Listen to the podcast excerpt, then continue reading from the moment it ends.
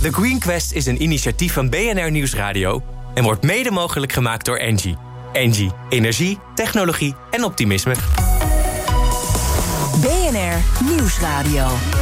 The Green Quest. Harm Edens. Hoe maken we samen een toekomstbestendige wereld? En welke innovaties in het bedrijfsleven dragen daar echt aan bij? Die zoeken we elke week in de meest zinvolle zoektocht van Nederland, The Green Quest. Een generator, compressor, pomp of ventilator. Je komt ze in ieder industrieel bedrijf tegen. Ze draaien erop los en daar komt vaak veel meer energie bij vrij dan nu gebruikt wordt. Zonde natuurlijk, vindt ook onze nieuwste kandidaat in de Green Gallery. Wat zij bedacht hebben, hoor je zo meteen. Maar eerst, Nederland heeft een circulaire economie wet nodig. Dat zijn de woorden van demissionair staatssecretaris Tientje van Veldhoven. Ik wil van haar weten hoe zo'n wet eruit moet komen te zien. En ik ga haar volkomen ongevraagd alvast wat suggesties geven voor een duurzaam beleid van kabinet Rutte 4. Stientje van Veldhoven, welkom. Dank, dank. Zullen we meteen beginnen met die circulaire economiewet? Want dat intrigeert me wel. Daar begon u over na het recent verschenen rapport van het Planbureau voor de Leefomgeving. En die zeggen: het gaat allemaal nog veel te langzaam. Schrok u van uw conclusie? Nou, hij was eh, best wel verwacht eigenlijk. Mhm. Ehm, en het was juist zo belangrijk om nou echt inzicht te krijgen in waar staan we nu. Want alleen als je weet waar je nu staat, weet je ook hoe ver je nog bent van waar je wil komen en hoeveel tempo je dus moet maken. Ja. Ehm, dus om goed beleid te voeren, effectief en efficiënt beleid te voeren, maar ook de urgentie politiek gezien eh, goed genoeg over te kunnen brengen, moet je natuurlijk wel kunnen laten zien dat je het kunt meten. Dus het was heel goed dat het PBL eh, met die studie kwam. Ja, als je even de omgeving schetst, je zou kunnen zeggen: de tijd van pionieren is wel zo'n beetje voorbij. En eh, kunnen we de conclusie trekken dat het tot nu toe allemaal een beetje te vrijblijvend is geweest?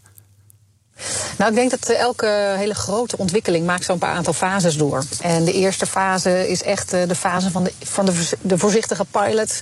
Uh, en dat was eigenlijk, denk ik, totdat ik kwam als staatssecretaris, was dat gewoon het, het geval. Er gebeurden veel kleine dingen op veel verschillende plekken. Mhm. Dus mijn ambitie was structureren, opschalen en versnellen. Ja. Uh, door het bij elkaar te brengen in één rijksbreed programma.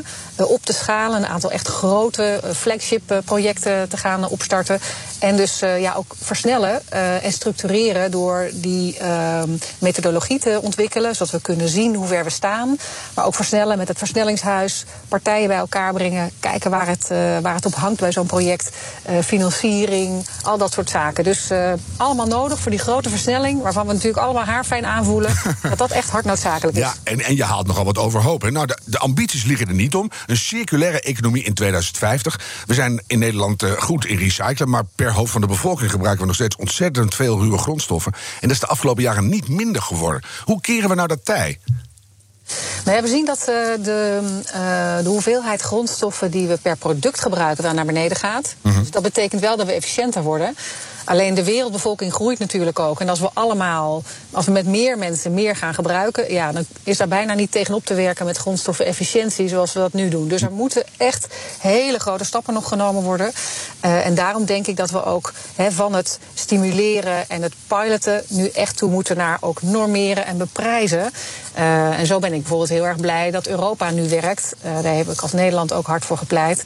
Aan gewoon een verplicht aandeel gerecycled plastic in nieuwe plastic producten. Ja, en wat je langzaam ook kan. verplicht stellen. Ja, en dat kan je langzaam opschalen natuurlijk tot je zo'n beetje bij heel weinig nieuwe grondstoffen zit. Nou, komt dat allemaal als het uh, aan u ligt in een circulaire economiewet terecht? Hoe zou die er ongeveer uit moeten gaan zien? Nou, kijk, we hebben nu dus uh, regelgeving op verschillende plekken zitten, zitten zitten regeltjes die uh, de circulaire economie stimuleren. En ik zou het heel goed vinden als we gewoon in één wet gestructureerd kunnen zien dat we ook geen sector vergeten. Dat we alle sectoren op een goede manier stimuleren. Uh, dus dat is wat mij betreft wat in die circulaire economiewet zou kunnen komen. Regels voor hoeveel gerecycled uh, plastic moet er in een bepaald product zitten. Mm-hmm. Misschien bepaalde beprijzingen van het gebruik van bepaalde producten. Um, en zo kun je eigenlijk zien of je met normeren en beprijzen en belonen of je op de goede weg zit en ook voldoende snelheid maakt. En zijn we dan in 2050 wat u betreft echt circulair? Of is dat toch een utopie die we nooit gaan halen, maar zo circulair mogelijk? Wat, wat is het einddoel? Nee, we moeten toch wel in 2050 ongeveer circulair zijn. En dan hangt het niet op 5% meer of minder. Maar als je bedenkt dat de wereldbevolking groeit naar 10 miljard mensen ja. uh, in 2050, hè, ter vergelijking, in 1950 hadden we nog 2,5 miljard mensen. Ja, ja. Dan zijn we met vier keer zoveel mensen. Ja. Onze planeet is niet groter geworden. Gemiddeld gezien worden die mensen ook allemaal welvarender. Dus onze enige optie is, tenzij we snel een andere planeet vinden, eh, onze enige optie is dus om de grondstoffen die we met elkaar gebruiken, gewoon veel efficiënter te blijven hergebruiken. Ja, we komen straks Eh, bij en die consumenten uit. Het is niet nice to do, het is echt een need to do. Ja, niet te doen. Nou, hoor je de bedrijven op de achtergrond al eh, luidkeels roepen met z'n allen. eh, het kan nog helemaal niet uit, die business case, dus we wachten nog even. Hebben ze ergens een punt? Ja, zeker hebben ze ergens op dit moment een punt. Het is geen reden om het niet te doen. Het is wel een reden om het anders te gaan doen.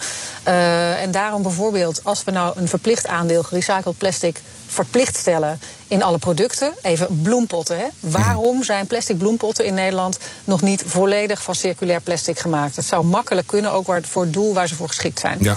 Of waar je ze voor gebruikt. Dat is misschien lastig te realiseren als je dat in Nederland alleen zou doen. Maar als we dat als Europa als geheel doen, dan voorkomen we dat onze Nederlandse bedrijven worden weggeconcurreerd door Belgische bedrijven.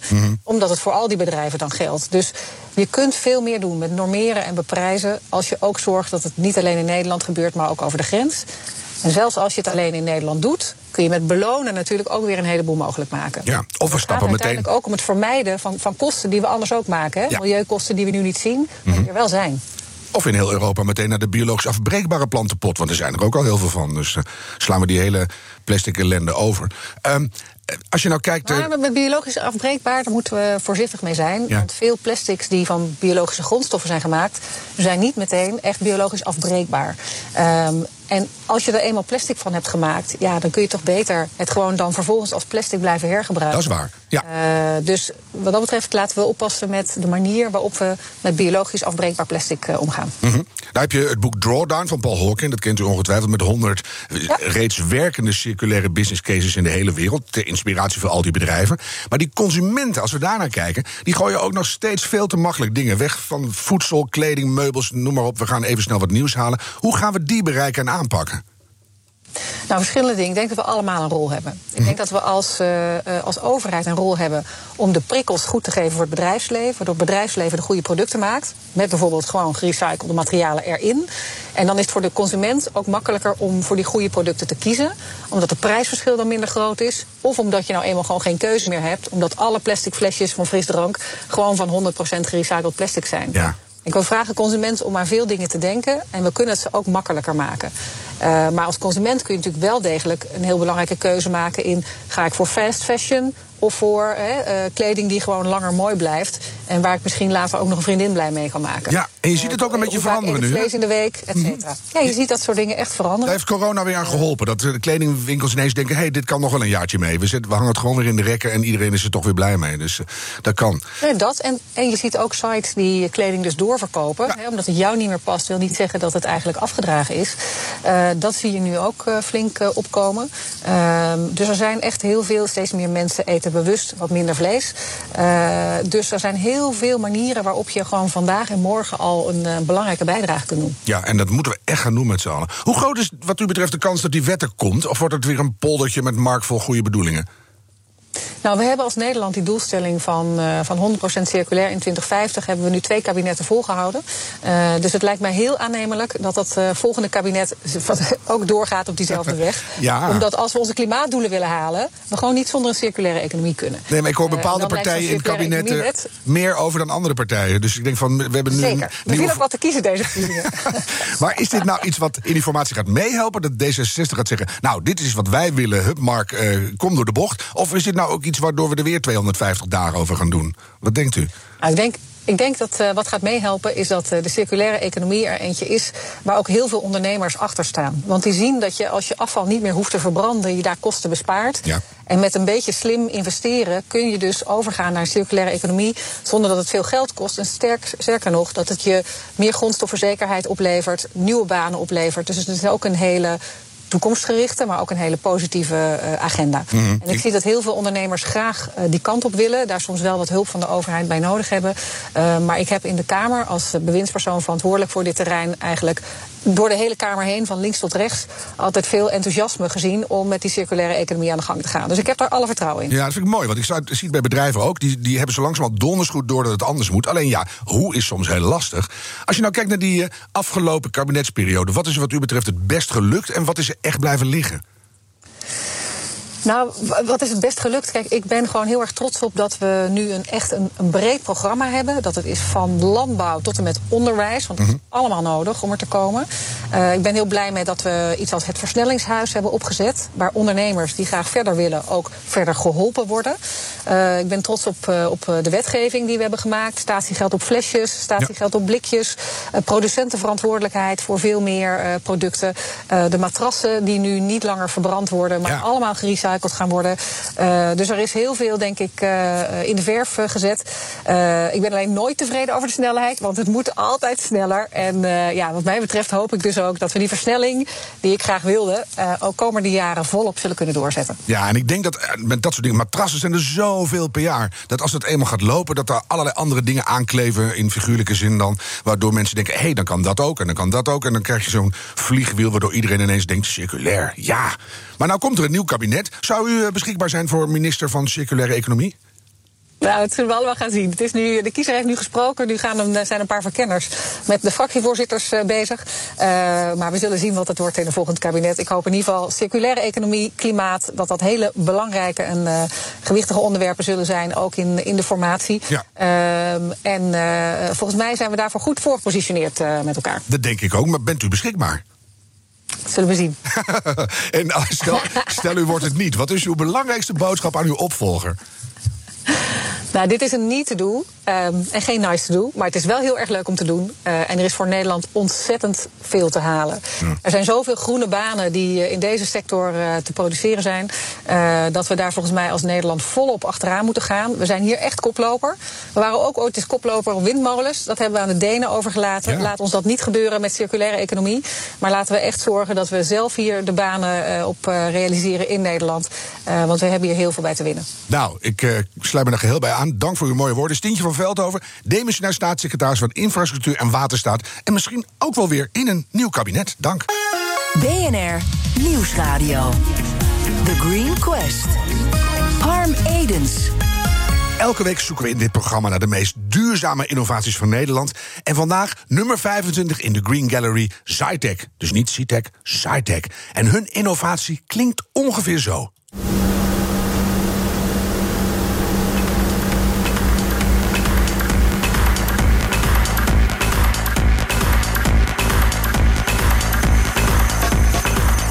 Zytec, worldwide specialist in induction couplings.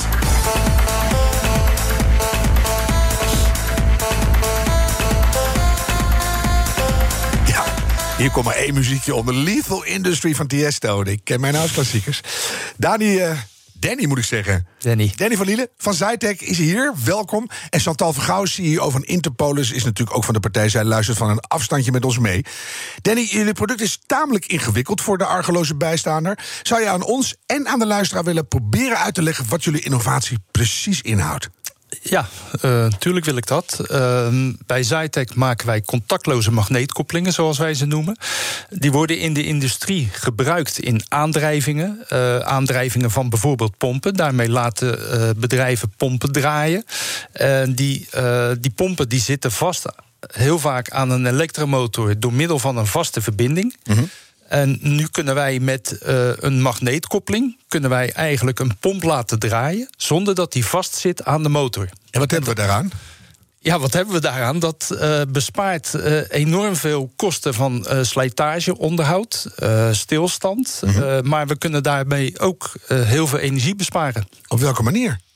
Ehm, als je kijkt in de industrie zijn eigenlijk uh, in, in de, het meeste gevallen zijn uh, pompsystemen te groot ontworpen. Die zijn te groot neergezet. Die zijn berekend op uitbreiding naar de toekomst. Uh, die zijn op allerlei situaties, zitten veiligheden op. dus is een pompsysteem eigenlijk te grote capaciteit voor het productieproces. Wat het productieproces vraagt. En dan met name heb ik begrepen de aandrijving van zo'n pomp. Dus hoe hard die pompt, dat, dat kan je wel uitrekenen. En dan zet je er een joelkoel van een motor, motor achter, vast. Die de hele tijd als een gek staat te draaien. Terwijl je dat helemaal niet nodig hebt. Precies. En daar zit de besparing. En daar zit de besparing. Wij kunnen met die magneetkoppeling kunnen wij die pomp zo laten draaien zodat die precies voldoet aan de behoeften in het productieproces. En daar zit een enorme energiebesparing in. Dus uh, zachter als het niet hoeft, harder als het wel hoeft. Precies. En niet de hele tijd vol gas. Precies. Ja, zo simpel is. Hij staat hier in, in een demo-versie voor mijn neus. Een heel mooi klein, ja, echt zo'n zo'n uh, puber knutselpakket is dit. waar je echt zin hebt om aan te knutselen. Uh, dan zie ik een, een schijf en een andere schijf. En dit is eigenlijk de verbinding die jullie maken, hè? Dat is eigenlijk de contactloze verbinding. Uh, aan één kant uh, van de, van de installatie, dat is aan de motorzijde, zeg maar, bevestigen wij een, een koperen schijf. -hmm. En aan de andere kant van die installatie, dus aan bijvoorbeeld een pompzijde, maar het kan ook alle andere soorten draaiende apparatuur kan het zijn. Ja. Bevestigen wij een schijf met daarin permanente magneten. En zo simpel is het. En zo simpel is het. Nee, ik ga eens eerst even, want het is natuurlijk radio en ik zie het nu voor, maar het is best ingewikkeld. Chantal, aan jouw kant van de lijn, is het, is het een beetje duidelijk? Wat vind je ervan? Nou, ik vond het best uh, lastig om te begrijpen. Ja. Maar toen ik het eenmaal, zeg maar, ik heb toch maar eens even een filmpje erover gekeken dit Mhm. weekend. En ik dacht eigenlijk van, nou, wat een vreugdevol nieuws. Uh, uh, omdat ik ook las dat dit ervoor zou kunnen zorgen dat in 2030 de milieudoelstellingen in de industrie worden gehaald, inclusief een besparing op, subsidie, op subsidies. Dus ik had zoiets van, nou ja, stop de persen, beste verkenners van het nieuwe kabinet, nodig SciTech uit. Uh, want dat regeerakkoord is binnen. Ja. Uh, maar dat is natuurlijk nog niet zo. Dus ik was toch wel even ook uh, enigszins bedachtzaam. En dacht bij mezelf: hé, hey, hoe komt het nou als het zo impactvol is? Hè, deze puntlanding die je kunt maken met deze toepassing eigenlijk. Ja. Uh, waarom is de industrie nog niet massaal over de brug als de besparingen zo evident zijn? Ja, het is misschien wel de belangrijkste vraag van vandaag, Danny. Dat is inderdaad een hele belangrijke vraag. Het vraagt eigenlijk waar wij mee bezig zijn in de industrie, dat vraagt omdenken in de industrie. Uh, de engineers in de industrie die doen al decennia lang, lossen zij hun problemen met installaties, lossen zij op, hun, op dezelfde manier op. Nu komen wij met een innovatief product, wat, wat relatief uh, jong is, en dat vraagt een andere aanpak. Dus dat betekent uh, dat je niet uh, in productieprocessen, zeg maar, zomaar in kan breken bij die engineers en zeggen van nou, wij gaan een, een vaste verbinding eruit halen en een magneetverbinding ertussen zetten. En dan, uh, dan draait het en dan bespaar je kosten. Dan, dan gaat dat over heel veel schijven heen in zo'n bedrijf. Aha. En moet iedereen er maar van overtuigd zijn. En de grootste inspanning voor ons zit hem eigenlijk in mooie projecten uitvoeren waar we nu mee bezig zijn. En bekendheid geven, het verhaal vertellen. Maar dus eigenlijk, als ik het goed begrijp wat je zegt, bedrijven zijn in dit soort dingen zo ouderwets, dan zien ze een enorme innovatie, zoals Chantal net zegt, maar dan kunnen ze zich eigenlijk niet uh, snel uh, uh, omdenkend veranderen van we zetten het er even tussen opgelost. Zo simpel is het niet. Nee, het, het, het is, het kan heel simpel opgelost worden. Het kan ook heel simpel eenvoudig geïnstalleerd worden. Dus het, het, het kan heel snel allemaal. En je ligt minder minder lang stil, het ligt minder ja, slijtage. Enorm, maar het is niet een vorm van ouderwet zijn. Uh, de bedrijven, die, de, de zijn, er is een tekort aan technisch personeel. Er mm -hmm. zijn heel veel bedrijven die hebben ingeleverd op, op mankracht, zeg maar. Dus iedereen die is bezig heel de dag met brandjes blussen... en heeft niet meer tijd om gewoon naar goede oplossingen te kijken. Maar dan zouden we, ik, ik, ik uh, richt me ook even richting Chantal... dan zouden we heel makkelijk, denk ik, een ROC uh, volledig kunnen omscholen... om dit soort uh, verbindingsloze magneetsystemen aan te brengen in Nederland. Wat denk je, Chantal? Ja, ik, nou, ik denk eigenlijk twee dingen. Uh, het klinkt toch een beetje alsof deze industriële bedrijven, naast dat ze heel erg bezig zijn met de techniek, ook nog wel onvoldoende bezig zijn met duurzaamheid. Mm -hmm. Dat is dan meer even een aanname, maar dat is ook een vraag. Ja. En ik denk van, ja, als iets er zit ook een, een, een baasje de hele dag te rekenen bij al die bedrijven. Uh, uh, als het economisch rendabel is, lees de afschrijving op de huidige apparatuur. Dat, dat is natuurlijk een van de grootste kostenposten in zo'n bedrijf als je zware uh, machineparken hebt staan. Ja. Nou, uh, ik, uh, dan hoef je maar één keer op een reclamefolder te zetten en dan zit je aan tafel, zou ik zeggen. Want het is gewoon uh, harde cash die dan gaat spelen. Dus ik ben toch nog wel in die zin een beetje verbaasd eigenlijk. Ja, Danny, dan moet je toch even weer... Hoe kijk je daar nou naar? Ja. Over die duurzaamheid, ook in die industriële bedrijven, zijn ze daar gewoon eigenlijk niet mee bezig? Mm -hmm. Nou ja, ze zijn er zeker mee bezig. Alleen kijkt men naar bestaande oplossingen, zeg maar, waarmee een aantal procent bespaard kan worden. Maar die zijn, die zijn al voor jaren jaren bekend. En men ziet gewoon uh, moeilijkheden om die te, uh, te implementeren, zeg maar. Zo'n nieuwe innovatie, daar zijn wij zeker mee bezig. De aanpak die, die loopt uh, via partners. Wij, wij certificeren dus bedrijven die onderhoud en, en reparaties plegen in die industrie. Die mm. kennen die klant dus heel goed. Infiltreren via de bestaande kanalen. Die, ja, die, die, die bieden eigenlijk deze oplossing. En ja, dat, dat vraagt gewoon tijd. Dat moet indalen bij bedrijven als zij zien hoeveel uh, wij hiermee kunnen besparen. En daar kan ik een voorbeeld van geven. Maar je hebt bij Hoogovens heb je vier proefpompen Precies. gedaan. Dan denk ik, nou, die zien nu het mirakel gebeuren. Ja. Dan, dan staat de rest van Nederland en misschien wel Europa toch meteen te klappen en zeggen: dat willen wij ook. Ja, dat zou je inderdaad uh, dat, dat, dat denken. Uh, als je kijkt naar wat wij bij Tata Steel hebben gedaan, daar hebben we op vier pompen hebben wij een koppeling ge, uh, geplaatst. En dat was minder dan twee dagen werk. En daar hebben we nu 1,1 miljoen kilowattuur aan energie bespaart. Daar zit 600 ton CO2 in opgesloten. Dat is, als je dat vergelijkt, die CO2 die daar opgesloten, in opgesloten zit, dat is vergelijkbaar aan uh, de elektriciteit die opgewekt moet worden door twee hectare, vier voetbalvelden aan zonnepanelen. En er zijn allemaal vier pompen van de. Er zijn vier pompen van de. die ze er hebben. Duizenden. Duizenden. En dan wil Chantal en ik ook, ook nog weten, hoe lang duurt het voordat zo'n bedrijf dit heeft terugverdiend? Nou, wat wij nu zien in de projecten, als je alleen de energiebesparing uh, meeneemt, of, en als je daarmee ook nog eens onderhoud uh, meeneemt, dan uh, zitten wij tussen zo'n een jaar tot twee jaar. Dus binnen twee jaar heb je alles terugverdiend ja. en ondertussen ja. enorm veel energie en dus ook CO2 bespaard. En dus een, ja, ik was vanochtend bij een bedrijf hier in Amsterdam. die, staan, die hebben de afgelopen drie maanden al drie keer stilgestaan. En ja, die besparen daarmee meer dan, ja. meer dan dat uh, dat de investering kost. Zeggen, die zijn dus in drie maanden tijd. In drie maanden zijn die klaar. Ja. ja.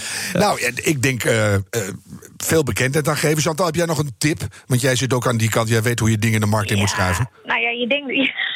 Dank je. het kind kan de was doen, denk ik dus ook. Ja, dat denk ik ook. Als ik geen tijd over heb. Maar dit klinkt toch als dit moet. hier moet je ook wat, wat rugbaarheid aan gaan geven. En misschien wat, wat overheidsinstanties mee laten duwen. Ja, nou, ik dat ben doen nog wel, ik, heb, ik heb eigenlijk nog ook wel gewoon een, een persoonlijke uh, vraag. Mag nog heel kort. Wat is, wat is jullie passie uh, vanuit het bedrijf, maar ook jouw persoonlijke verbondenheid met het werken aan een groenere wereld? Nou, dat is eigenlijk is het daarmee begonnen. Uh, de impact die je mee kan hebben met een zo'n eenvoudige oplossing, uh, die, die, maakt het dat je daar heel passievol aan kunt, uh, kunt werken. Maar je hoeft eigenlijk niet te weten. Het is nog een goed mens ook, Chantal. Danny van Nielen van Zytec. Ja, dat hebben we nodig. Ik denk dat Stientje toevallig luistert. Dan hebben we mazzel. Dankjewel voor je komst naar de studio. En dat zeg ik natuurlijk ook tegen Chantal Vergouw. Dankjewel voor je kritische jurylidmaatschap. Heeft jouw bedrijf nou een minstens zo belangrijke innovatie? Meld u vandaag nog even aan op onze competitie thegreenquest.nl. Deze aflevering terugluisteren kan via de BNR-app, bnr.nl of je favoriete podcastkanaal. En bedenk minstens één keer per week die volhoudbare wereld, die maken we samen. The Green Quest is een initiatief van BNR Nieuwsradio en wordt mede mogelijk gemaakt door Engie. Engie, energie, technologie en optimisme.